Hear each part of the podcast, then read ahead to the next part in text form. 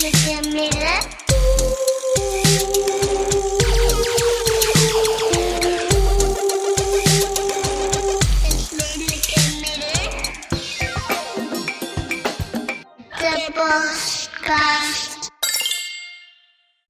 bij het Redelijke Midden, de educatieve podcast voor de hele anarcho-communistische commune, waarin we het kapitalisme van Sovjetje geven. Ik ben Thijs Klempaste en ik ben hier met hosts Kelly Mostert, Hey.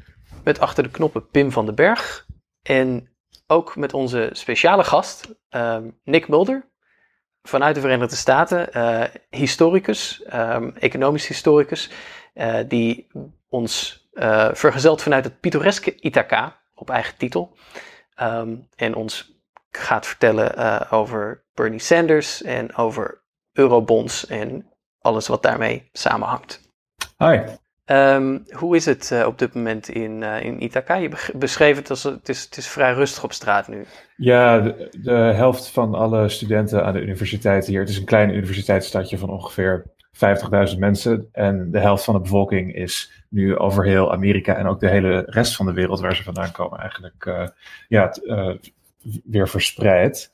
Dus via Zoom lesgeven nu van Singapore tot en met Californië is wel even wat anders. Maar het is hier eh, ja, eh, in, eh, het stadje zelf eh, en de regio eigenlijk heel aangenaam. Nou, dat, dat, dat is goed om te horen. En eh, ik ben ook blij dat, je, dat het allemaal ehm, ja, daar wel goed, eh, goed gaat. Eh, niet is zoals in, eh, in, in eh, elders in de staat New York, waar het eh, toch echt een heel groot drama is. Ehm, we zijn heel erg blij dat je er bent in ieder geval. En we gaan het vandaag hebben over ehm, twee dingen, hoofdzakelijk. Eh, we gaan het hebben over eh, eurobonds, over de politieke economie van de crisis. Hoe daar in Nederland mee wordt omgegaan, hoe daar in Europees verband mee wordt omgegaan.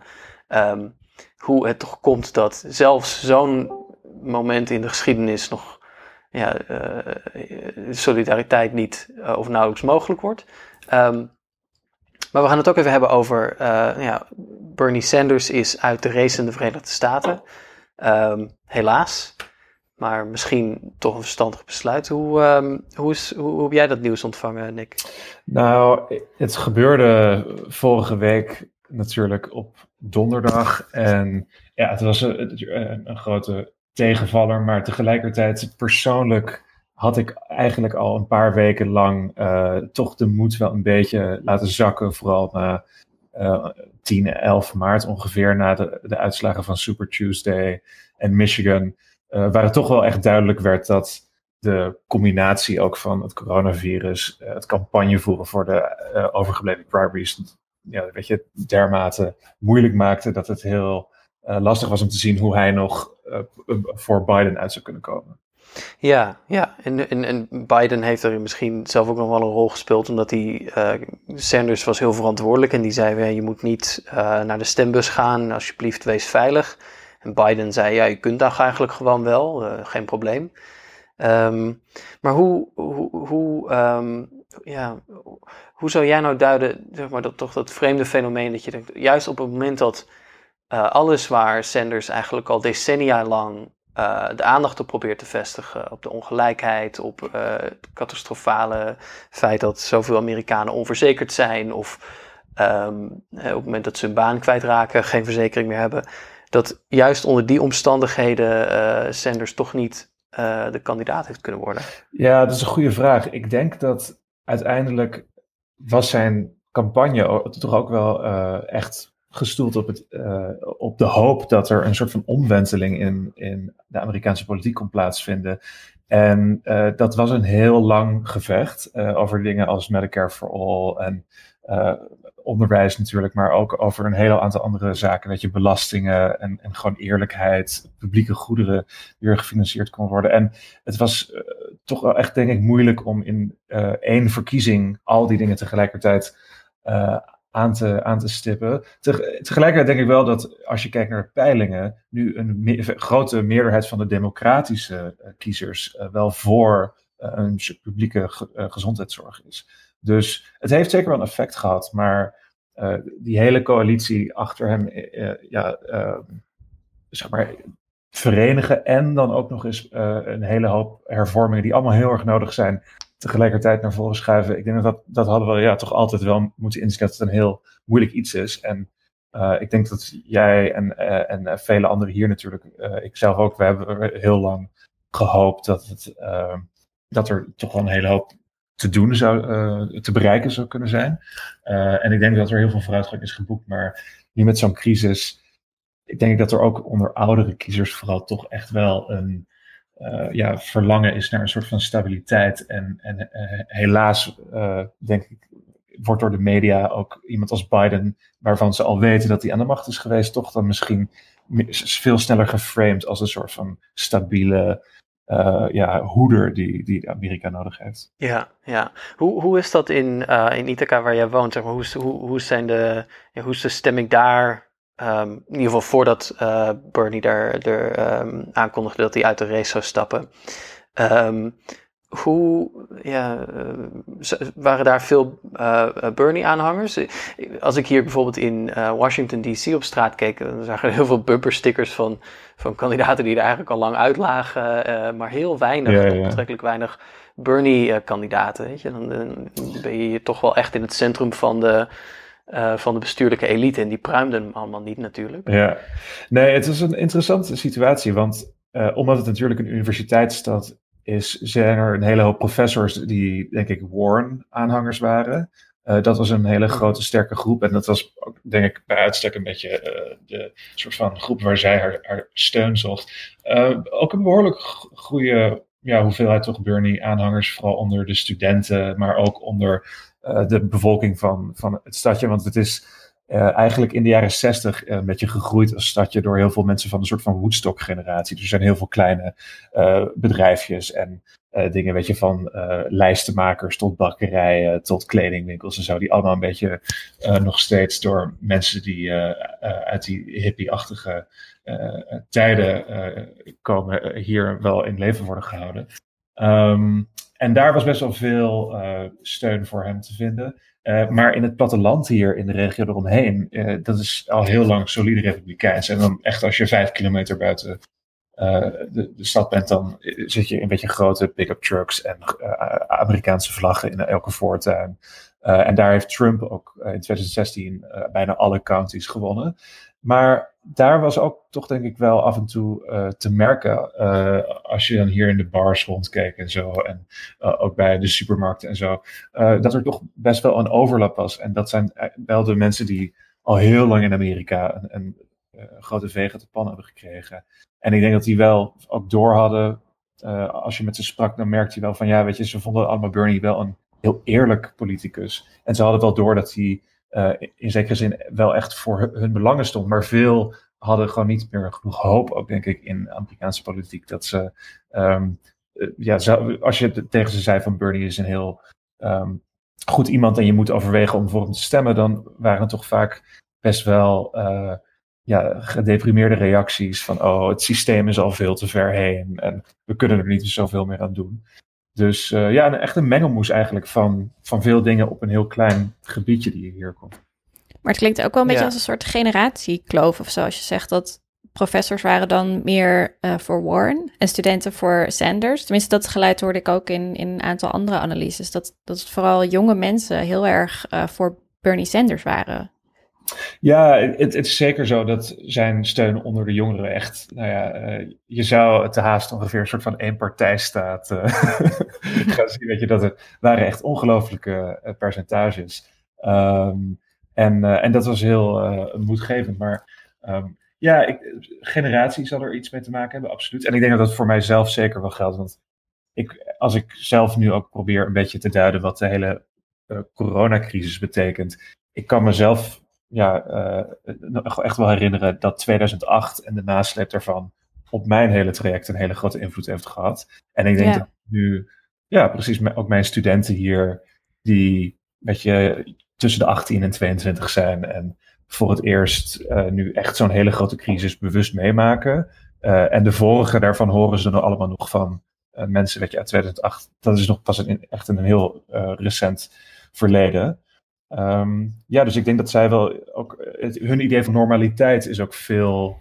Um, uh, ja, veel, veel ja, in zekere zin getekend door de gevolgen van deze van, van crisis. Ben je in die zin misschien wel optimistisch over de toekomst? Want ja, ik las toch soms ook wel de analyse van. Ehm, uh, volgens, mij, volgens mij zei Gabriel Binan uh, zei dit op Twitter en die, die had het erover. Die zegt van ja, um, de radicalisering van de boomergeneratie is op een gegeven moment afgevlakt omdat ze toch een plaats in het systeem kregen. Ze werden huizenbezitters en weet je, de, de economische groei en, en, en ontwikkeling zat er toen nog wel flink in. Dus die hadden niet meer zoveel belang om echt aan hun, zeg maar, meer radicale idealisme vast te houden. Terwijl dat vooruitzicht heeft uh, ja, de millennial generatie, maar misschien ook de zoomers, eigenlijk volstrekt niet. Er is heel veel voor hen uh, vernietigd en ook met weinig, uit, uh, weinig hoop dat dat zich op een moment nog herstelt. En de zoomers zijn generatie Z of zo, toch? Ja, ja, de Zoomers en de generatie Z. Dus dat, dat, dat, dat zijn, voor zover ik begrijp, dan jouw studenten Nick. Zeg maar die, uh, die, die 18 tot, ja. wat is het nu, 25-jarige. Um, ja, voor hen gaat dat gewoon misschien nog wel, wel nooit meer gebeuren. Of in ieder geval een heel groot deel van die generatie, die gaan nooit uh, een, een huis krijgen. Die gaan misschien wel uh, nooit met pensioen, weet ik veel. Hè? Er worden allemaal uh, dingen over gezegd. Um, wow, nooit met pensioen. Ja, maar denk je, denk, zie jij dan, hè, er, er is zo'n, ik moet, ik moet tot een concrete vraag komen. Maar dit is zo'n oude wijsheid van, nou, als je jong bent ben je idealistisch. En ja. dan word je op een gegeven moment, in het verloop van tijd, word je conservatief. Um, denk je dat die, denk je, denk je dat onze generatie en de generatie eronder dan, uh, dat misschien wel gaat niet doen? Omdat ja, er helemaal geen belang is voor ons om mhm. conservatief te worden? Ja, dat is een goede vraag. Nou, het is zeker natuurlijk zo dat wij gewoon veel minder vermogen opbouwen. En ook als ik kijk naar de mensen waarmee ik uh, een decennium geleden weet je, in Utrecht heb gestudeerd uh, voor mijn bachelor. Zelfs de mensen in Nederland is dat dan, die echt de allerbeste banen hebben gevonden in consulting, uh, advocatuur, et cetera. ook, of zelfs zijn begonnen met, met, met start-ups en zo. Daarvan zijn er nu misschien drie of vier van vijftien man of zo, die een eigen appartement bezitten. En dat is nu tien jaar na dato. Um, en de rest, weet je, ze zijn nog steeds allemaal veroordeeld om hun leven lang te huren. Ik denk dat het hier in Amerika, nou ja, dat is het voordeel van hier te kunnen wonen, dat je uh, huizen zijn iets goedkoper. Um, en ik vraag me dat wel af, misschien dat het wel mogelijk is uh, om, om nog een soort van uh, ja, middenstands levensstijl te vinden, maar niet meer in grote steden, waar tegenwoordig toch eigenlijk een beetje alle hoogopgeleide mensen naartoe trekken en het talent te vinden is. Uh, dus één ding wat ik me uh, heb afgevraagd recent nu is, omdat alles van het huis gaat met uh, coronacrisis en, en social distancing, is of er ook niet nu weer een mogelijkheid komt om eigenlijk uit de grote steden te gaan en meer naar op het platteland te gaan wonen. omdat alles toch veel meer vanaf een afstand kan worden gedaan, blijkt nu. Oh ja, ja, dat zou ik nog wel een interessante beweging vinden, denk ik. Ja, ja. Hoe, hoe, uh, hoe kijk jij tegen, um, uh, dat, tegen het idee aan dat dit. Um, er, zijn, er zijn ook mensen die zeggen: ja, Sanders was het compromis. Hè? Uh, mm -hmm. Sanders was de compromiskandidaat. En nu dat er toch ook wel um, stemmen opgaan die zeggen: van nou, dit is eigenlijk toch wel het bewijs dat de electorale en parlementaire politiek uh, dood is. dus dat, zonder dat nou heel dramatisch uh, te willen laten klinken, maar die zegt van ja, je, je moet dus niet je heil zoeken in uh, politieke mobilisatie in politieke partijen of in verkiezingscampagnes of proberen jouw kandidaat um, te verkiezen, maar je moet veel meer je kleinschalig gaan organiseren. Je moet je niet zoveel aantrekken van electorale politiek. je moet misschien, als je in een appartementencomplex woont, een uh, ja, met de bewoners je, organiseren, zodat je druk kan uitoefenen op de huisbaas als de huur uh, uh, verhoogd wordt, dat soort dingen. hoe kijk je daar tegenaan? Is dit ook het einde van, van de, het vertrouwen dat het, dat het electorale systeem iets van een zelfreinigend vermogen heeft? Ja, nou ja, in Amerika denk ik is dat punt misschien al wel lang geleden gepasseerd. Als je ook kijkt toch naar de wat voor soort voor, voorkeuren uh, onder de bevolking wel of niet worden vertaald in beleidsuitkomsten. Um, er was in 2014 dat zo'n uh, groot onderzoek van een aantal politieke wetenschappers aan Princeton dat ehm, de beleidsvoorkeuren van de rijkste 1%, ik geloof iets van drie of vier keer zoveel kans maken om uiteindelijk uh, te worden verwezenlijkt in beleid. En de beleidsvoorkeuren van de armste 50 of 60 procent van de bevolking bijna nooit het halen. Uh, maar ik denk dat wat je zei over Sanders, de compromiskandidaat. Um, als er, nou ja, we kunnen het misschien hebben over de fouten in zijn campagne. Want het is altijd natuurlijk ook wel belangrijk om te proberen te leren van wat er beter had gekund en, en, en fout is gegaan. Um, maar wellicht is dat het wel zo is. En ik ben er zelf nog niet helemaal over uit, uh, eerlijk gezegd. Want um, nou ja, ik, ik bewonder altijd zijn politieke stijl heel erg. Omdat hij altijd het vuur aan de schenen wist te leggen van, de, van elites. Maar tegelijkertijd ook uh, als enige van de democratische kandidaten echt in staat was om, bijvoorbeeld als je kijkt naar die town halls die hield op Fox News, uh, Fox News, sorry, uh, Fox News. um, Vossen Nieuws. Ja, ja, de Nederlandse zender komt gauw uh, van Murk, als hij er nog niet is. Maar, nee. Um, maar um, dat hij echt in staat was om over ja, uh, de, de verdeling tussen de partijen heen uh, ook uh, weet je, wetten er doorheen te krijgen, maar ook gewoon met staalwerkers en werkloze mijnwerkers en zo, die in Republikeinse staten wonen, om daar echt een, ja, een soort van menselijke connectie te maken. En, en ik denk dat dat heel erg krachtig van hem was. Um, de vraag is misschien, nou, en dat is denk ik hier onder Amerikaans links speelt nu ook wel heel erg, uh, of hij niet, of Sanders niet veel te lang ook veel te aardig is geweest eigenlijk naar de elite binnen de Democratische Partij. Of hij niet veel harder nog uh, had moeten proberen om uh, zichzelf naar voren te schuiven. Um, en ik denk dat daar Warren zat daar natuurlijk heel erg tussenin met aan de ene kant proberen om het beleid te veranderen, maar aan de andere kant om de gevestigde macht in de Democratische Partij eigenlijk aan je kant te krijgen. Um, en Sanders leek op verschillende momenten in de campagne niet helemaal te kunnen kiezen tussen die twee. En dat, dat komt denk ik ook omdat hij probeerde echt een hele brede tent in progressief links te, te maken. Nog veel breder dan in 2016. Um, en daardoor kon hij misschien die keus niet echt goed uh, maken. Ja, ik, ik, vraag me dat ook af. Want um, ik, ik, las ergens de analyse dat, dat um, sommige mensen die zeiden van het is een fout, een vergissing geweest dat hij op een gegeven moment uh, rond die um, uh, ergens begin maart of eind februari, wat was het, begon te zeggen van ja, we nemen het op tegen het, we nemen het op tegen zowel het republikeins als het democratische establishment en zich daarmee eigenlijk buiten de marges van die partij plaatste en dat dat op zich onder de uh, dat dat een strategie was die het dan wel goed zou hebben gedaan in een, um, zeg maar in een, in een general election in, in mm -hmm. november. Maar het niet goed deed um, in de context van een democratische verkiezing, waar het met name een oudere kiezersgroep is die, ja. um, die opkomt dagen, die heel trouw is aan die democratische partij. Uh, die democratische partij ook echt als, uh, zeg maar, zichzelf identificeert met die partij. En dat dat dus, um, nou ja, toch heeft, mede heeft geholpen om, um, um, om, om kiezers ja, toch niet voor Sanders te laten, te laten gaan. Uh, en tegelijkertijd, ja, er is structureel zoveel waar hij tegenop moest boksen. Dat, je, zeg maar, dat, een, dat een gesprek over zeg maar, waar Sanders dan strategisch in de fout is gegaan ook ergens wat frivol klinkt. Er is ook dat moment geweest waarop de rangen zich definitief sloten achter Biden. Ja, absoluut. Dat was een ongelooflijk moment ook. Ja, ja, ja de, na, na South Carolina en voorafgaand aan Super Tuesday, waar echt een enorme, uh, in een enorm korte tijd iedereen zich, uh, zich achter Biden schaarde. Um, en er gewoon ja, Biden heel veel uh, gratis media aandacht heeft, heeft gekregen. Um, dus ik, ik las dat, was een, dat vond ik een andere wel intelligente opmerking. Dat Biden eigenlijk heeft. Biden heeft de voorverkiezingen van de Democraten gewonnen. Op dezelfde manier waarop Trump de verkiezingen in 2016 won. Mm -hmm. Namelijk met een campagne die werkelijk niets voorstelt. Ook van amateurisme en, en uh, ja, uh, uh, zwakheid aan, aan elkaar hing. Heel weinig mensen had, heel weinig field organizers, heel, heel weinig lokale infrastructuur.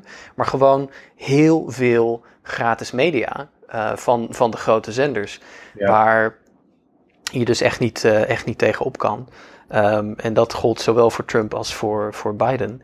Um, en, en, de vraag is dan, ja, goed, als je die twee kandidaten dan nu zo meteen in november tegen elkaar moet uh, uh, zet, ja, um, wint, wint Biden dan opnieuw. Maar ik heb daar op dit moment wel een hard, hard hoofd in, uh, geloof ik. Ja, het is... en zeker als ik luister naar wat jij zegt over die mensen buiten, buiten het stadje waar je woont die nog wel misschien voor, voor Sanders hadden willen stemmen, maar ja, nu dan ofwel voor Trump gaan of gewoon niet komen opdagen. Mm Ja, nee, ik denk dat dat echt, dat is, uh, en Trump was in zekere zin van, oké, dit is de laatste proteststem die ik uitbreng. En daarom was, mhm. denk ik, Sanders zijn uh, kandidatuur zo krachtig, omdat dit was echt een kans om iemand naar voren te zetten die die proteststem die, weet je, van mensen die uh, ook gewoon om volledig terechte redenen echt al het vertrouwen in uh, het politiek systeem hier, het democratisch systeem, zijn verloren.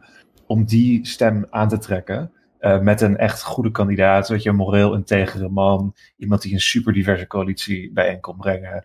En ook gewoon een hele hoop uh, hervormingen. Weet je, ik denk dat je zelfs veel mensen konden zich nog vinden in Sanders. Dat viel me wel heel erg op deze keer. Dat er zelfs veel mensen waren onder de, in de meer technocratische hoeken, de denktanks en zo. Um, die op een gegeven moment doorkregen van. Weet je, eh, Amerika is gewoon echt heel erg verrot institutioneel op een aantal plekken. En we hebben iemand als hem nodig om gewoon eigenlijk nog in de rangen van ontwikkelde landen uh, te blijven. Maar goed, nu heeft het coronavirus dus toegeslagen en krijg je eigenlijk te zien dat al die dysfunctionaliteit waar Sanders het over had, um, wordt nu gewoon heel erg groot zichtbaar op een hele dramatische manier. Um, en ja, ik, net als jij, ik, ik, ik weet ook niet, echt niet of Biden het kan winnen. Tegelijkertijd vraag ik me ook af, als het nou echt zo is dat deze economische schok van het coronavirus zo erg wordt als hij lijkt te worden, of het wel mogelijk is voor Trump om straks herverkozen te worden als het werkloosheidscijfer op weet je, 20, 25 procent ligt. Dat, dat is ook heel moeilijk voor te stellen. Maar goed, um, het is nu al, uh, ja, uh, het is april en ik, het klinkt al, ja. weet je, uh, februari, maart, waar we net voelt al zo lang geleden inmiddels. Dus ja. Ja, ja. Zoals, zoals, zoals, zoals Lenin zei, er zijn, er zijn decennia waarin niets gebeurt en er zijn weken waarin hele decennia zich voltrekken. Ja, absoluut, absoluut.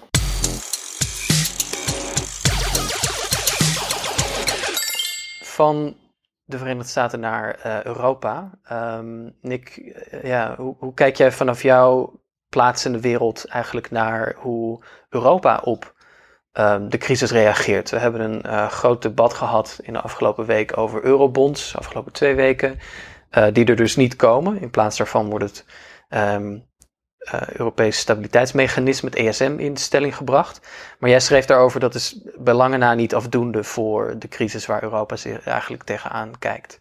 Ja, ik denk dat het, althans voor mij voelt het uh, als, een, als een raar moment, omdat je je afvraagt als je kijkt naar de houding van vooral Nederland, maar ook Duitsland en de noordelijke landen in de EU, uh, dat groepje wat Nederland en Duitsland nu samen leiden. Je vraagt je af of ze de grootte van deze crisis wel gewoon volledig beseffen. En of, uh, of ze uh, ook de omvang ervan en hoe erg het hen uh, zelf gaat raken, wel helemaal doorhebben.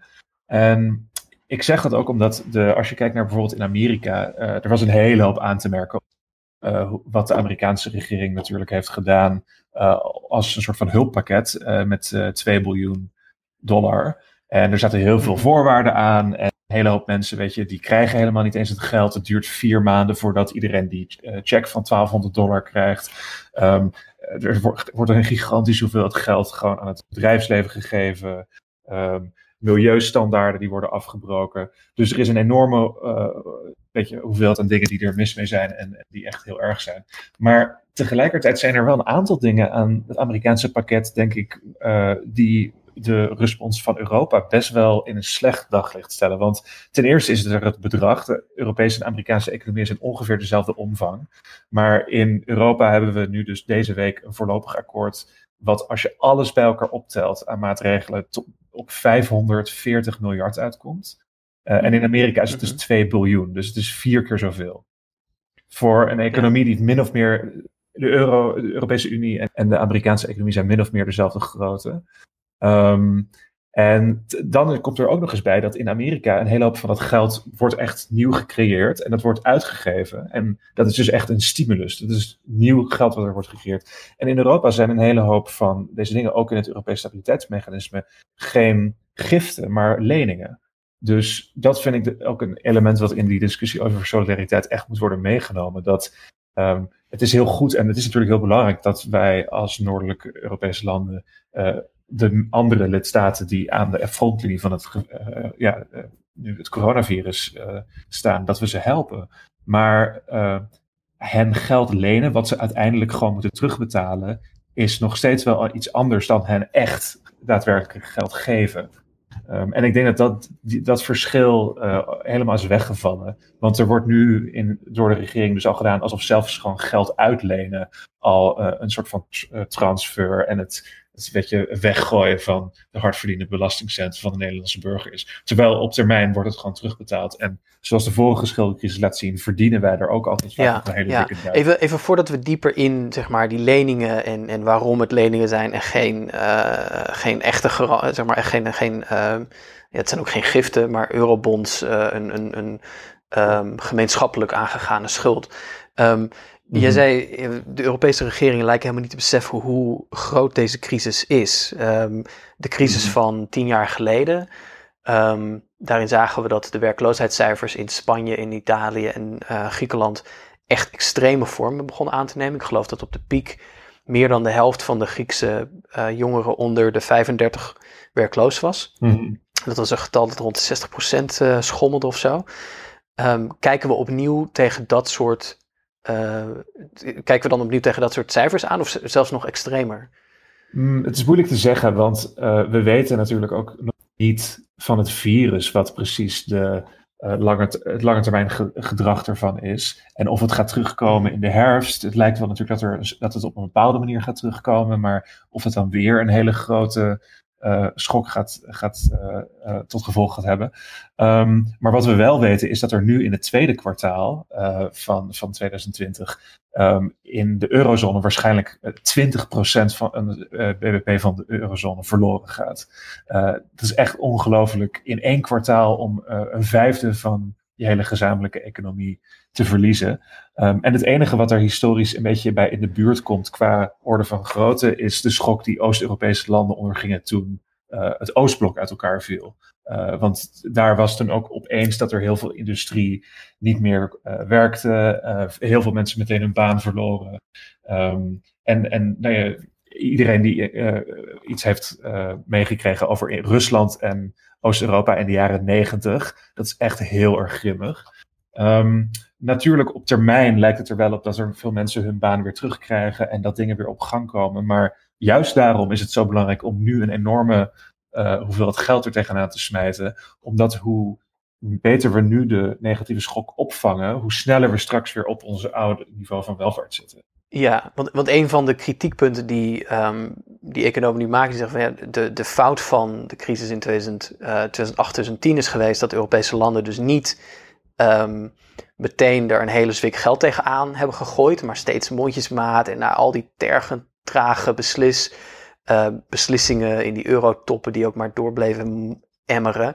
En dus eigenlijk met te weinig geld hun economie veel meer schade hebben gedaan dan als ze het in één keer wat ambitieuzer hadden aangepakt. Ja, nee zeker. En, ja. um, en het is in dat opzicht, kijk, er zijn een hele hoop manieren natuurlijk om te berekenen hoe groot en, en hoeveel steun er nodig is. Maar als je het gewoon heel bazaal kijkt op wat voor deel van de e-, e economische uh, productie en vraag valt er straks weg. En wat moeten overheden dan dus tijdelijk, um, als het ware, mobiliseren om dat, uh, die uitval op te vangen, dan is het, het pakket wat er net is aangenomen door Eurogroep uh, gewoon veel te veel te klein. Natuurlijk is het zo dat nationale landen doen, die doen nog ietsje erbij. Dus het is niet zo dat er alleen maar die 500 miljard is van de eurogroep. Uh, weet je, Duitsland en Nederland hebben ook hun eigen eh, nationale pakketten aangenomen. Maar dat is precies het probleem. Dat dus alleen de allerrijkste landen in Europa eigenlijk in staat zijn om ook zelf voor hun economieën nog wat te doen. En in het zuiden daar, dat toch wel veel moeilijker is. Dus vandaar juist dat je het echt gemeenschappelijk moet aanpakken. En wij verkopen natuurlijk ook een enorme hoeveelheid aan de rest van Europa. daar kunnen we het zo meteen nog wel over hebben, over hoe het Nederlands economisch model uiteindelijk ook heel erg ja, de, de, welvaart van de rest van de wereld vereist. Ehm, want anders hebben wij ook heel weinig toekomst. Ehm, maar ja, dus het, het, is echt heel belangrijk om de, de grootte van het probleem in te schatten. En ik denk dat daar ook in Nederland onze ja, consensuscultuur en dat hele doe maar normaal en laten we even rustig de feiten op een rijtje zetten en iedereen aan tafel brengen die er mogelijkerwijs, weet je, um, een belang heeft bij deze beslissing. Dat staat af en toe dus het, het snel handelen in zo'n crisis echt in de weg. Um, en het is, overreactie is zeg maar het, uh, ja, toch een veel minder groot risico dan, dan heel langzaam reageren. Ja, ik denk, ik vind het wel interessant wat je zegt, zeg maar. Je hebt inderdaad aan de ene kant het heel typerend dat Nederland uh, of dat de rijke landen het heel erg downplayen, uh, die crisis. Maar ook, uh, wat volgens mij ook wel meespeelt, is een soort van hele arrogante houding. Of een, ja, een soort um, de den voor de Zuid-Europese landen. Je hoort heel veel dat argument van nou, Zuid-Europese landen zoals Italië, Griekenland, die hebben gewoon geen goede begrotingsdiscipline. Um, maar wat, wat klopt er eigenlijk van dat argument? Nou, dat is heel goed dat je dat, je dat aansnijdt. Want ik denk dat, er, uh, dat we eigenlijk nu, wat ons in de weg staat om oplossingen te bereiken, is het, het verhaal en het narratief dat door vooral het kabinet Rutte en ook door heel veel economen en daardoor door kranten is overgenomen over wat er de afgelopen tien jaar is misgegaan uh, in Europa. Um, en het gaat eigenlijk, dit, dit verhaal over het, het, het zuiden is niet gedisciplineerd, er wordt heel veel fiscaal wanbeleid gevoerd. Dat bestaat al tien jaar nu. Um, mm. En omdat Rutte nog steeds aan de macht is, heb, denk ik, kan hij dat ook moeilijk veranderen zonder ook daarmee dus toe te geven dat hij in de, uh, weet je, in 2010 en, en in de nasleep daarvan uh, het eigenlijk toen ook al bij het verkeerde einde had. Um, dat, dat, het, dat er toen ook al iets niet aan klopte. Um, ja, wat misschien even kort, uh, uh, kan je uitleggen wat er in 2010 ongeveer gebeurd is en hoe dat zeg maar ook best wel typisch was? Ja, tuurlijk. Um, nou, in 2010 begon dus, er was de financiële crisis in 2008, die bracht vooral de banken in gevaar. En dat had toen na enige tijd zijn nawerking in de soevereine schuldencrisis. dus dat is overheidsschuld um, in vooral Zuid-Europa. En die begon eigenlijk in 2010, toen Griekenland uh, in het najaar van, uh, van 2009, voorjaar van 2010, aankondigde dat ze hun begrotingstekort um, ja, eigenlijk al een beetje hadden verdoezeld, omdat ze geen angstreactie uh, teweeg wilden brengen. En dat was het begin van een schuldencrisis die ertoe leidde eigenlijk dat de financiële markten het vertrouwen verloren in Griekenland, maar Italië, Spanje, Portugal en Ierland. En dat is eigenlijk pas uh, in haar verloop van tijd tussen 2012 en 2015 met heel veel gesteggel en extreem veel kwaad bloed uh, tussen het noorden en zuiden um, een soort van aan elkaar gelijmd. Maar niet voordat er eerst uh, hele grote reddingspakketten zijn gegeven. En dat is waar de eerste fout eigenlijk in het verhaal is geslopen. Want veel mensen denken dat de Grieken en, en andere landen die toen reddingspakket hebben gekregen, gewoon zomaar geld van het noorden hebben gekregen. Wat er in feite gebeurde, was dat uh, Nederland, Duitsland, Frankrijk um, een hele hoop geld gaven aan hun eigen banken, die in Zuid-Europa investeringen hadden gemaakt en nu met schulden zaten die niet konden worden terugbetaald. Dus eigenlijk was het Noorden bezig zijn eigen bankaire sector te redden. Maar op papier zag het eruit als hulp aan het zuiden. Het lijkt een beetje alsof er een soort lijn is van um, de, de hulp die we bieden is niet echt structureel of ook niet echt lange termijn. Klopt dat? Ja, dat, is, dat klopt. En ik denk dat uh, de hulp die er toen is gekomen, die er heel snel kwam, was dus hulp uh, onze banken. Die schulden zijn toen dus overgenomen van banken, weet je, ING, ABN AMRO, door noordelijke overheden. En toen kreeg je de soort van tweede fase van die crisis. En uh, dat was, nou ja, als je de, de confrontatie uh, nog, misschien nog herinnert tussen Dijsselbloem en Varoufakis in 2015. Toen in Griekenland Syriza, dus de linkse regering, aan de macht was gekomen.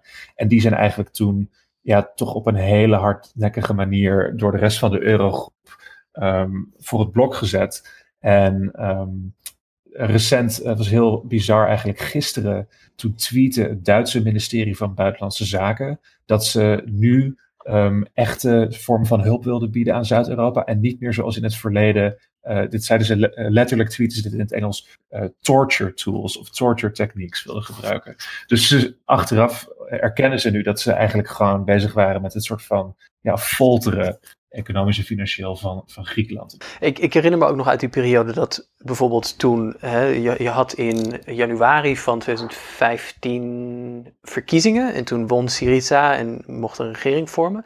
En dat dus de reactie van die noordelijke landen in de eurogroep toen ook was om daar um, echt uh, ook politiek op te handelen. Dus het, uh, de voorwaarden werden alleen nog maar strenger voor het terugbetalen van die uh, van die leningen. Uh, omdat er ook echt een soort politieke strafcampagne werd gevoerd tegen uh, Syriza. Zodat andere landen niet ook op het idee zouden komen om een linkse regering aan de macht te brengen. Um, ja, nee, het, er was zeker een, een heel groot. Van laten we gewoon een soort voorbeeld creëren hier van wat er gebeurt als je echt de confrontatie wil aangaan met ons. Um, en de enige mensen die daarna nog echt een soort van riskante ja, beweging hebben gemaakt, zijn natuurlijk de, de Britten met Brexit geweest. Um, maar, maar dat was wel voor zeg maar, het idee van een, een radicale linkshervorming binnen de EU echt een, een cruciaal moment. Jij hebt in, uh, ik geloof twee jaar geleden in N plus One, uh, het Amerikaanse magazine, geschreven over de, um, waar zeg maar dat echt keiharde neoliberalisme in de Europese Unie vandaan komt. Um, ga ik een of-of vraag stellen die wellicht als en-en okay. uh, kan worden beantwoord. Maar ligt dat aan, um, ligt dat aan de mentaliteit in die noordelijke landen? Zeg maar die, um, nou ja, uh, die gevangen zit in de beeldspraak van, uh, van Dijsselbloem. Dus die denkt dat zuidelijke landen alleen maar hun geld uitgeven aan schnapsend vrouwen, mm-hmm. hè, aan drank en, en vrouwen. of ligt het ook aan de institutionele structuur van de Europese Unie dat het antwoord op um, dit soort momenten van crisis, waarin solidariteit noodzakelijk is. En waar eigenlijk het enige rationele antwoord is om die schulden uh, Europees uh, te maken. gemeenschappelijke schulden in plaats van leningen van het noorden aan het zuiden. Mm -hmm. um, ja, zeg maar, is, het, is, is het onvermogen van de Europese Unie om, om, om dat antwoord te geven, is dat ideologisch of is het institutioneel? Ah, nou ja, kijk, uh, ik denk absoluut een, uh, een beetje van beide. Um, maar het, het, gaat erom uh, waar we het precies over hebben als we het over de Europese Unie hebben. Het is natuurlijk een super complex geheel met een hele hoop bewegende delen en uh, continu verschuivende balansen, zoals we ook nu weer zien, weet je, met deze Eurobonds discussie, dat er zijn nu opeens allemaal uh, landen naar voren gestapt die heel erg sterk voor Eurobonds zijn, uh, die in het verleden toch nog zich wat meer gedijst hielden. Um, ik denk dat voor het noorden en voor Nederland zelf, nou ja, ik wil niet te veel generaliseren over, over alle landen, maar voor Nederland denk ik dat er aantal uh, ja, langdurige dingen zijn die ons soort van in dit denkpatroon vasthouden. Dus één had ik al genoemd, namelijk dat in 2000, uh, eh, vanaf 2010 uh, eh, Rutte toen werd verkozen en hij met het verhaal begon dat weet je, de Grieken en de Italianen en, en, en Spanjaarden en zo hebben boven hun stand geleefd. Ze moeten nu de, uh, je, de, de, gordel aantrekken. Natuurlijk hebben we in, wij in Nederland dat zelf ook gedaan. Wij hebben ook e extreem bezuinigd met hele grote schade voor het onderwijs, gezondheidszorg, zoals we nu zien met deze coronaviruscrisis. Um, maar daar zit nog een soort van consistentie in.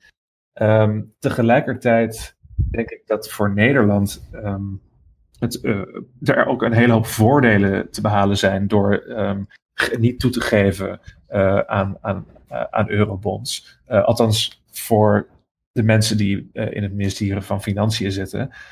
en één daarvan is bijvoorbeeld dat in tijden van crisis financiële markten vaak naar een bepaald soort van uh, investering vluchten die ze als een veilige haven zien. En wereldwijd is dat vaak de Amerikaanse dollar en overheidsschuld van de Verenigde Staten, dus de, de, de Treasury-markt. Uh, uh, en binnen Europa is dat de overheidsschuld van de meest kredietwaardige Europese overheden, dus vooral Duitsland en Nederland. En wat je dus ziet op punten als er zo'n schuldencrisis uitbreekt of er is in financiële markten uh, een soort van paniek, is dat uh, vaak er een, een, toevlucht is, een, een, een soort van um, instroom in, in Nederlands staatspapier, dus in, in, schulden. En zolang Nederland zijn eigen schuld kan uit, is dat dus heel voordelig, want dat maakt het voor ons als, als Nederland makkelijker om uh, onze staatsschuld naar beneden te brengen. Dus wij hebben ook nog een soort van belang in sommige omstandigheden.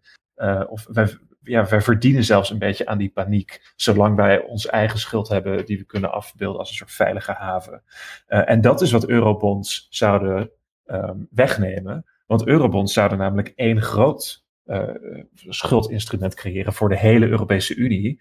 Waardoor dus niet meer van één land naar een ander wordt gevlucht, maar er een soort algemeen schuldinstrument is. En het interessante is dat er eigenlijk helemaal ook niets, dat is wel belangrijk om nog even te vermelden, er is uh, niets inherents links of progressief zelfs aan eurobonds. Er zijn een hele hoop um, bankiers en mensen uit de financiële sector die heel erg sterk voor eurobonds zijn. Ik weet of je ook in bijvoorbeeld in het FD, uh, Financieel Dagblad, waren er brieven um, ingezonden weet je, de economen van ING en een hele hoop investeerders. De reden dat veel mensen bij financiële instellingen ook geïnteresseerd zijn in eurobonds, is omdat het dus een, uh, in, in het Engels, uh, in de literatuur over financiële markten, wordt het een safe asset genoemd. Dus een, ja, ik zou noem het even een, een veilige haveninvestering.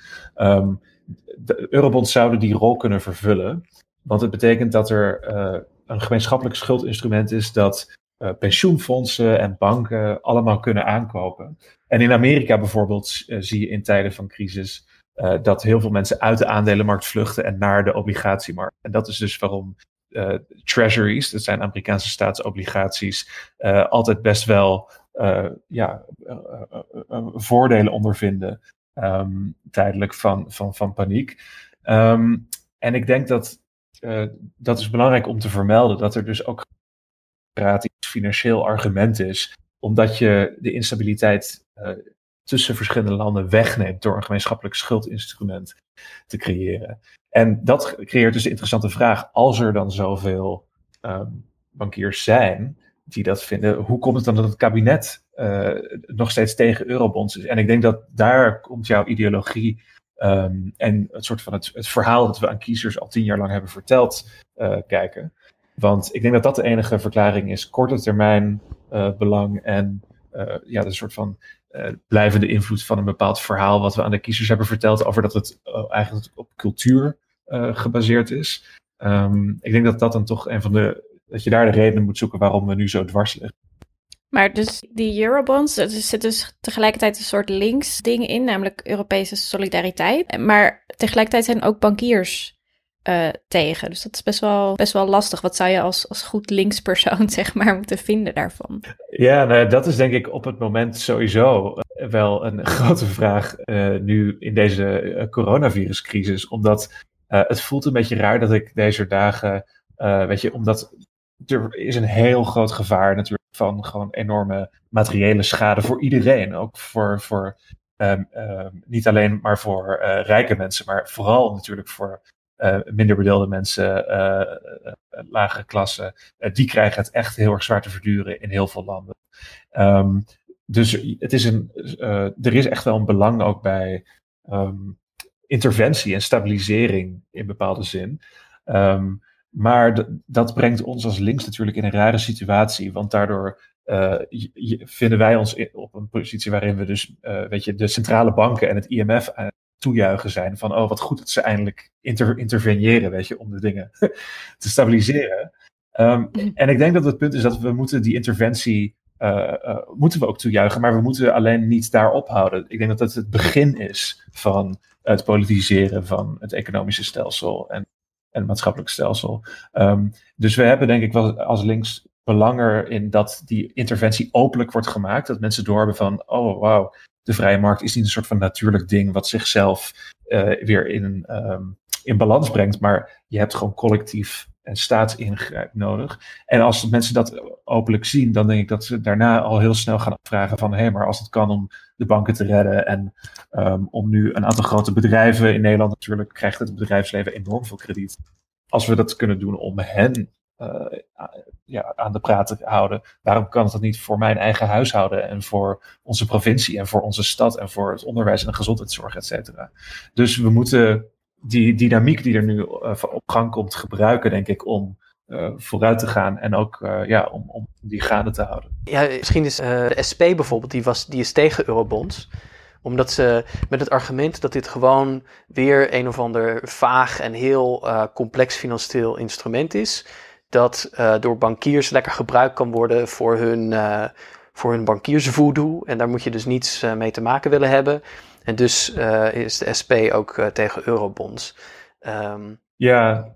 Is dat. Ja. ja. Ja, ik, ik, hoor je een beetje sceptisch daarop al reageren. Nee, maar dat, dat is dus precies waar we denk ik nu tegenaan lopen. Dat er zijn bepaalde middelen en ook bepaalde beleidsvoorstellen die niet inherent links zijn, maar desalniettemin een heel belangrijk, uh, een, een belangrijke pijler zijn van elke voorstelbare uh, linkse agenda in de toekomst. En we moeten die interventies nu denk ik omarmen om ook naar een betere weet je, eerlijkere en, en meer gelijke um, toekomst te gaan. Maar het, het, we moeten alleen niet ophouden bij een paar technocratische interventies. Maar ik weet niet wat jullie hiervan vinden. Ik heb de afgelopen paar weken vaak gedacht. Weet je, uh, je hoort natuurlijk vanuit links al jarenlang heel veel kritiek op technocratie. En mensen die, die democratisch niet uh, um, ja, to, toch verantwoordelijk zijn en, en verantwoordelijk kunnen worden gehouden voor hun beslissingen, zoals centrale bankiers.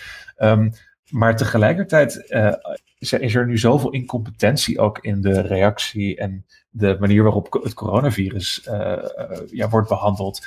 Af en toe dat je zoiets denkt, weet je wat Gandhi zei over westerse beschaving? Oh, dat zou een mooi idee zijn als, het, als ze het echt zouden toepassen. Dat denk ik af en toe wel eens over technocratie van wauw, een beetje echte rationele technocratie dat zou fijn zijn. Het punt is alleen dat je daar niet moet ophouden. Dat is pas het begin, denk ik, van een, een betere punt. Maar het is een ongemakkelijk thema voor links om het, om het over te hebben, denk ik. Omdat we zijn heel erg geneigd om te zeggen...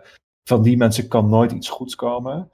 Um, mm-hmm. Tegelijkertijd denk ik dat als we kijken naar het alternatief dat is gewoon laten we alles maar in, in elkaar vallen. Ik zie ook niet 1, 2, 3 in, zeg maar, hoe dat de toekomst die we willen een beetje dichterbij brengt. Maar als je alles op de merite blijft beoordelen en ik denk ook een beetje die dynamiek die er nu uh, uh, toch loskomt door interventie, uh, die nog heel erg aanzwengelen en veel grotere eisen koppelen aan dat soort interventies. Maar ik weet niet, Tess, jij klinkt uh, meer sceptisch of niet? Nou, ik ben, ik, nee, uh, uh, ik, ik, ik merk gewoon dat ik, um, zeg maar, als, als de volgende stap komt, dat ik denk, ja, um, ik, kan me nog, ik kan me nog moeilijk voorstellen hoe dat er dan uitziet op, op Europees niveau. Ik kan het in heel algemene termen, denk ik, wel een beetje inbeelden. Van ja, je moet inderdaad nu um, door het eerst, eerst het gemeenschappelijk maken van, van de schulden, kun je een soort politieke politiek momentum creëren waarin je ook dus um, de verzorgingsstaat misschien weer gaat, opnieuw gaat opbouwen op Europees niveau. Maar ik, ja, ik weet niet, ik weet gewoon niet zo goed. Het is meer zeg maar de soort sceptisch die geboren wordt uit al zo vaak um, het deksel op de neus uh, hebben gekregen, dan, um, dan, dan iets anders. Ja, dat je, dat, je, dat je bijna. Maar dan kom je dus in het. Dan kom je denk ik een beetje op het terrein van, van zeg maar linkse partijen die zeggen, ja, je kunt niet een sociaal, er bestaat niet zoiets als een sociaal Europa. Europa is zo gegrondvest dat uh, een sociaal Europa nooit van de grond kan komen. En de enige, het enige antwoord dat een linkse partij op Europese samenwerking zou moeten geven is, is gewoon nee. Mm uh, je kunt, uh, weet je, dat is de oude positie, destijds was dat van Jeremy Corbyn. Ja. Um, die ook altijd was tegen lidmaatschap van de Europese Unie voor het Verenigd Koninkrijk. Op grond van het feit dat, um, ja, dat het een, een disciplineringsmachine was voor nationale begrotingen, die dus heel weinig ruimte overlieten om een alternatieve begrotingspolitiek te voeren dan uh, keihard bezuinigingen uh, doorvoeren de hele tijd. Maar goed, ik ja, merk echt dat ik, ja, dat ik dus zelf um, gewoon wat vertwijfeld achterblijf. En dat ik denk, ja, dit zou het moment moeten zijn. En tegelijkertijd zie ik nog niet hoe. Nee, dat is waar. Maar er is, denk ik, als we, als we het risico, als, als we zeg maar te lang blijven afwachten, is dat er gewoon een technocratische interventie plaatsvindt, waar wij als, als, als linksgemeenschappelijk helemaal niks in uh, hebben kunnen uh, uitmaken. En misschien, dat, dat, bedacht ik net nog als antwoord op die vraag van Kelly over wat moet je nou als linkspersoon van eurobonds vinden. Um, het is niet een inherent links iets, maar het is een internationalistisch eh, iets. Dat is wat eurobonds zijn. En ik denk dat dat misschien ook verklaart waarom de SP er uh, een beetje tegen is. Omdat de SP natuurlijk toch in Nederland de meest soort van nationale uh, vorm van linkse politiek voorstaat. Um, en internationalisme is, denk ik, inherent, zou ik zeggen. ik vind dat een heel belangrijk iets aan, aan, aan linkse politiek. Maar dat betekent niet dat er ook niet ja, weet je, slechte vormen van internationalisme zijn. Um, en ja, dus je moet gewoon je eigen um, observatievermogen en kritische geest blijven gebruiken om die dingen te beoordelen. Maar het is niet zo dat ze inherent altijd, of als het van één iemand komt, dat je, oh, de bankiers zijn ergens voor, dan moeten wij er dus tegen zijn. Um, ik denk dat het alleen betekent dat je moet niet de agenda van de bankiers zomaar omarmen. Maar je kunt absoluut wel af en toe wat dingen van hen meenemen die uh, ook voor jou op, het, op termijn uh, betere toekomst kunnen creëren. Maar het is, het is, de eurobonds, zoals je zegt, zijn in die zin een instrument. Je zegt de Amerikanen die gebruiken hun obligaties uh, om uh, schulden te maken, die schuld op, in, in de boeken van de overheid te schrijven, zodat ze vervolgens met dat geld politiek kunnen handelen. Um, maar het is de politieke keuze of je dat geld dan aan Boeing en de wapenindustrie geeft, of dat je er dat je het geld probeert zoveel mogelijk bij gewone mensen uh, terecht te laten komen. En, en dat is niet een politieke keuze die rechtstreeks gekoppeld is aan het wel of niet bestaan van het instrument, maar een politieke keuze die mogelijk maakt op het moment dat je het instrument uh, uh, eigenlijk omarmt en in het leven schept. Zo moet je het begrijpen. Precies. Absoluut. En het is het begin van het proces van politisering ook. Of politisering is het in het Nederlands, geloof ik toch? Ja. um, ja. Precies, nee, dus de, die interventie is het begin van politisering. Omdat uh, ook nu bijvoorbeeld met die, met die hulppakketten in Amerika, uh, het duurt uh, weken en maanden voor al dat geld om te worden uitgegeven. Um, en de, weet je, het gaat dan door comité's in het congres. Um, en in Nederland ook is het nog steeds denk ik helemaal niet bepaald precies wie er wat krijgt. Weet je, bij het eh, ministerie van Financiën en Economische Zaken zijn er absoluut nog wel uh, een paar appeltjes te schillen over wie er precies in aanmerking komt voor wat. Dus um, ja, het, het houdt daar niet op. Het begint daar pas. Dus ik denk dat zeker wel, uh, weet je, activisten en zo een hoop kunnen betekenen in die mensen die die beslissingen maken de goede kant op opduwen. Um, Um, ik, ik zit wel een beetje aan, de, de, ja, aan, aan het einde van, van mijn vragen, geloof ik. Zijn er nog dingen, Nick, waarvan jij dacht van ja, hier, hier hebben we het nog niet voldoende over gehad? Je zei eerder um, ja, die leningen, of die, die zeg maar giften aan, de aan het zuiden, mm. het zijn helemaal geen giften, maar het zijn leningen, dat je daar misschien nog wat over wilde um, zeggen. Ik denk dat, er, dat ik nog wel één punt wil aansnijden, wat een beetje een Nederland uh, economisch model is en wat links ervan uh, moet vinden. Want ik denk dat dat ook een open discussie is die we al gewoon, omdat links niet zo structureel meer denkt over politieke economie, dat we een beetje die vaardigheid zijn verloren. Maar um, dat gaat eigenlijk over ons, onze enorme export. Want dat is uiteindelijk een van de grote structurele redenen waarom uh, het, zuiden van Europa niet uh, zo goed heeft kunnen groeien de afgelopen tien jaar. Ze hebben ongelooflijk veel bezuinigd. Dus ze hebben helemaal geen wanbeleid gevoerd. Ze hebben juist heel veel bezuinigd. Maar uh, omdat Nederland zo ongelooflijk veel exporteert en 71% van al onze handel is binnen de EU, betekent het dus dat andere landen moeten op een, bepaald, op een bepaalde manier die uitvoer absorberen in hun economie. Dus het maakt het heel erg moeilijk voor hen om binnen Europa althans um, met ons te wedijveren. Omdat we, we hadden al die voorsprong, als het ware, 15 jaar geleden. Uh, en die is nu alleen nog maar sterker geworden. En de vraag is een beetje, kijk, we zitten elk jaar nu, heeft Nederland een handelsoverschot van uh, 85 of 90 miljard euro. Dus 10 of 11 procent van ons bbp. Dat is echt ongelooflijk groot. Het is het derde grootste handelsoverschot ter wereld na China en Duitsland. De vraag is een beetje van links van, wat moeten we daar nou mee? Want het wordt heel vaak, uh, natuurlijk is het er zoiets van om trots op te zijn, want mensen voelen dan toch een soort van patriotisme van, oh weet je, maar wij zijn zo goed en wij zijn zo competitief en wij troeven iedereen af, want wij, weet je, verdienen meer geld in de rest van de wereld hierdoor. Um, en ik denk dat het belangrijk is om te erkennen dat elk land dat zo'n soort van exporttijger wordt, op termijn uh, de binnenlandse levensstandaard uh, uh, drukt en, en artificieel, kunstmatig eigenlijk laag houdt. Ehm, dus er zijn een soort van twee opties die we uh, kunnen bediscussiëren, denk ik, als links, als het gaat om ons economisch model. Eén daarvan is dat de lonen enorm omhoog moeten. Mensen moeten gewoon meer verdienen in Nederland. Dat zou, denk ik, bij uitstek een, een links iets moeten zijn. Omdat op het moment het hele overschot wat elk jaar wordt gegenereerd, wij verkopen veel meer de rest van de wereld dan wij van hen kopen, allemaal in de zakken komt van grote bedrijven. Uh, die keren het uit aan, hun aandeelhouder. En uh, die stoppen het in, uh, bij hun banken in, in reserves. En die banken lenen het weer uit. En op die manier komt dat handelsoverschot, blijft dus in de economische elite circuleren. En het komt nooit aan bij gewone burgers, nog bij de overheid. Dus de vraag is hoe we een soort van democratische controle kunnen creëren over dat overschot. En hoe je het dus kunt recyclen op een betere manier. Ik denk dat er nu met, die, met de klimaatproblematiek en het vergroenen van Nederland ongelooflijk veel mogelijkheden zijn om dat geld in te zetten. Maar dat betekent dus dat we moeten nadenken over manieren, weet je, een speciale belasting uh, voor die heel veel verdienende bedrijven, dat het in een fonds komt en dat je een soort van soeverein vermogensfonds opbouwt, net zoals bijvoorbeeld Noorwegen of Singapore of Abu Dhabi dat hebben. Uh, want dat is echt de hoeveelheid geld die wij elk jaar genereren, die nu gewoon privaat uh, alleen maar rendeert.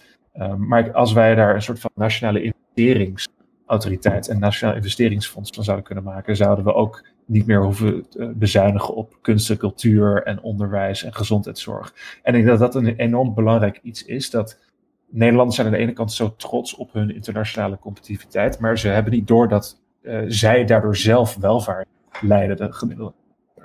Um, en dat het ook in ons uh, geïnvesteerd zou kunnen worden. En grappig genoeg is de enige partij in Nederland die een beetje de intuïtie uh, heeft op dit punt maar die het niet helemaal weet te verwoorden en verder alleen maar verschrikkelijke denkbeelden heeft.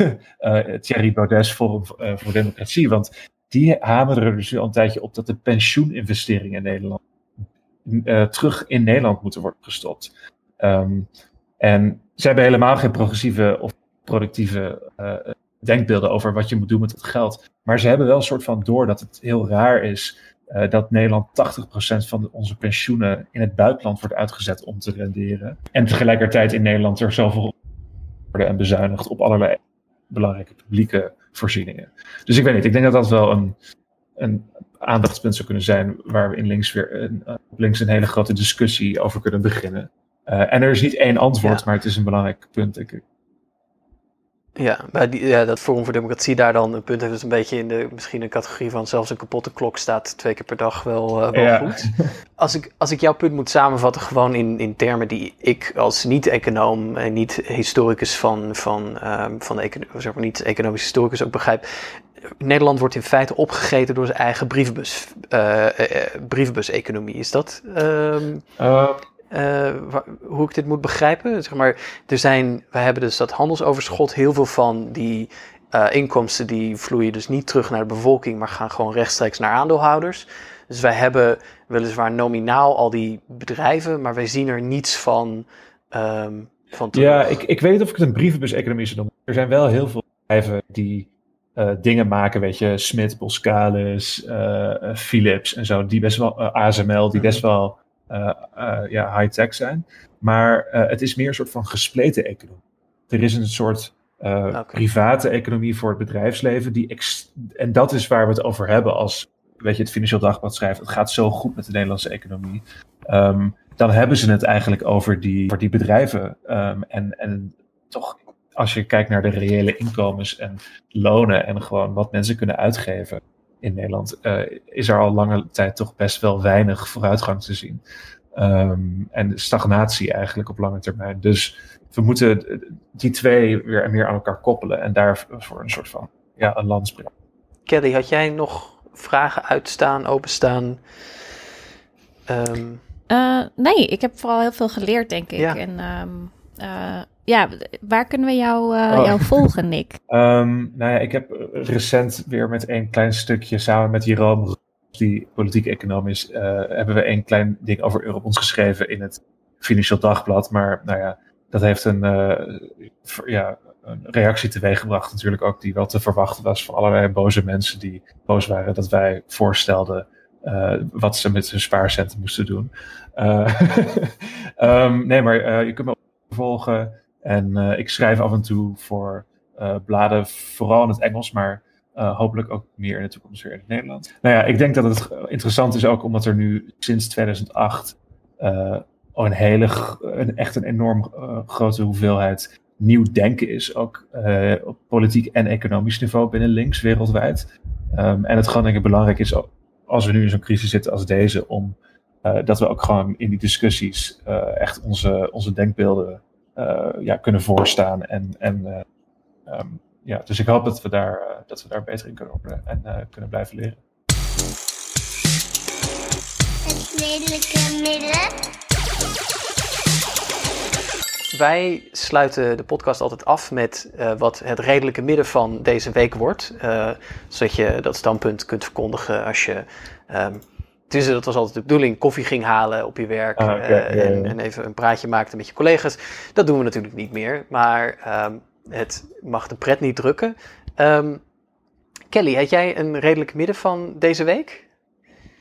Uh, nee, maar ik werd net herinnerd aan een, heel, uh, een hele mooie redelijke midden van vorige week. Um, die ik toch nog even wilde herhalen, want Nick heeft hem misschien nog niet gehoord. Um, hij is bedacht door Marlies. Het redelijke midden van uh, deze week is dat de SP tegen Eurobonds mag stemmen, maar dan voortaan wel bij elke partijbijeenkomst de nationale moet zingen. hey, ik vind ja. leuk. Ja, ja. Um, mijn redelijke midden van deze week is: um, we doen uh, juist nu het Verenigd Koninkrijk uit de Europese Unie is gestapt, eindelijk onze eurobonds. Het zijn er 27 en ze nemen het op tegen hun Britse collega van MI6. Moet ik ook een redelijk midden zo, voorstellen? Niet zo. Of, uh, nee? als, je, als je er een hebt. Dan... Nou, nee, ik, ik, wilde eigenlijk. Dat, ik ben wel fijn dat we daar niet aan toe zijn ik had nog een soort van half doordachte vergelijking tussen Nederland in Europa is even uh, schrander als de Republikeinse Partij binnen de Verenigde Staten. Maar, uh, maar misschien maar goed dat we daar niet aan zijn. ik, vind, uh, ik vind hem wel, wel heel treffend. Want volgens mij, um, en laat dat dan de afsluitende noot zijn. Volgens mij is het vanuit het buitenland, die ervaring heb ik altijd, Nick, veel beter te zien hoe. Um, hoe extreem eigenlijk de Nederlandse opstellingen in dit soort economische vragen is en hoeveel dit uh, toch ook doet denken aan um, nou ja, de, de, de, economische principes van de Republikeinen en de Verenigde Ja, weet je, al, aan al, al, het geld wat je mensen geeft. En, en de Republikeinen geven het geld. Die lenen het niet uit aan de arme burgers, maar die binden er gewoon een hele hoop voorwaarden aan vast als je het wil ontvangen als een gift. En in Nederland doen we dan moeilijk uh, over zelfs uh, voorwaarden bij een, weet je, een lening. Um, in ieder geval. Nou, dat was de uitzending voor uh, deze week. wij hopen jullie volgende week weer te mogen bedienen met een uitzending van Het Redelijke Midden. Ondertussen kunnen jullie ons volgen op Twitter, het Redelijke Midden. of op de interweb, hetredelijkemidden.nl. Um, ehm, jullie kunnen Kelly Mostert volgen op Twitter op @kellymostert. Um, Nick, jij bent te volgen op @njtmulder en ik ben te volgen op @kleinpastethijs. Um, en Pim zat aan de knoppen vandaag, Pim van den Berg, uh, en die is te volgen op @bvdpim. Dan zeg ik alleen maar, maar tot volgende week. Dank. Doeg. Doeg.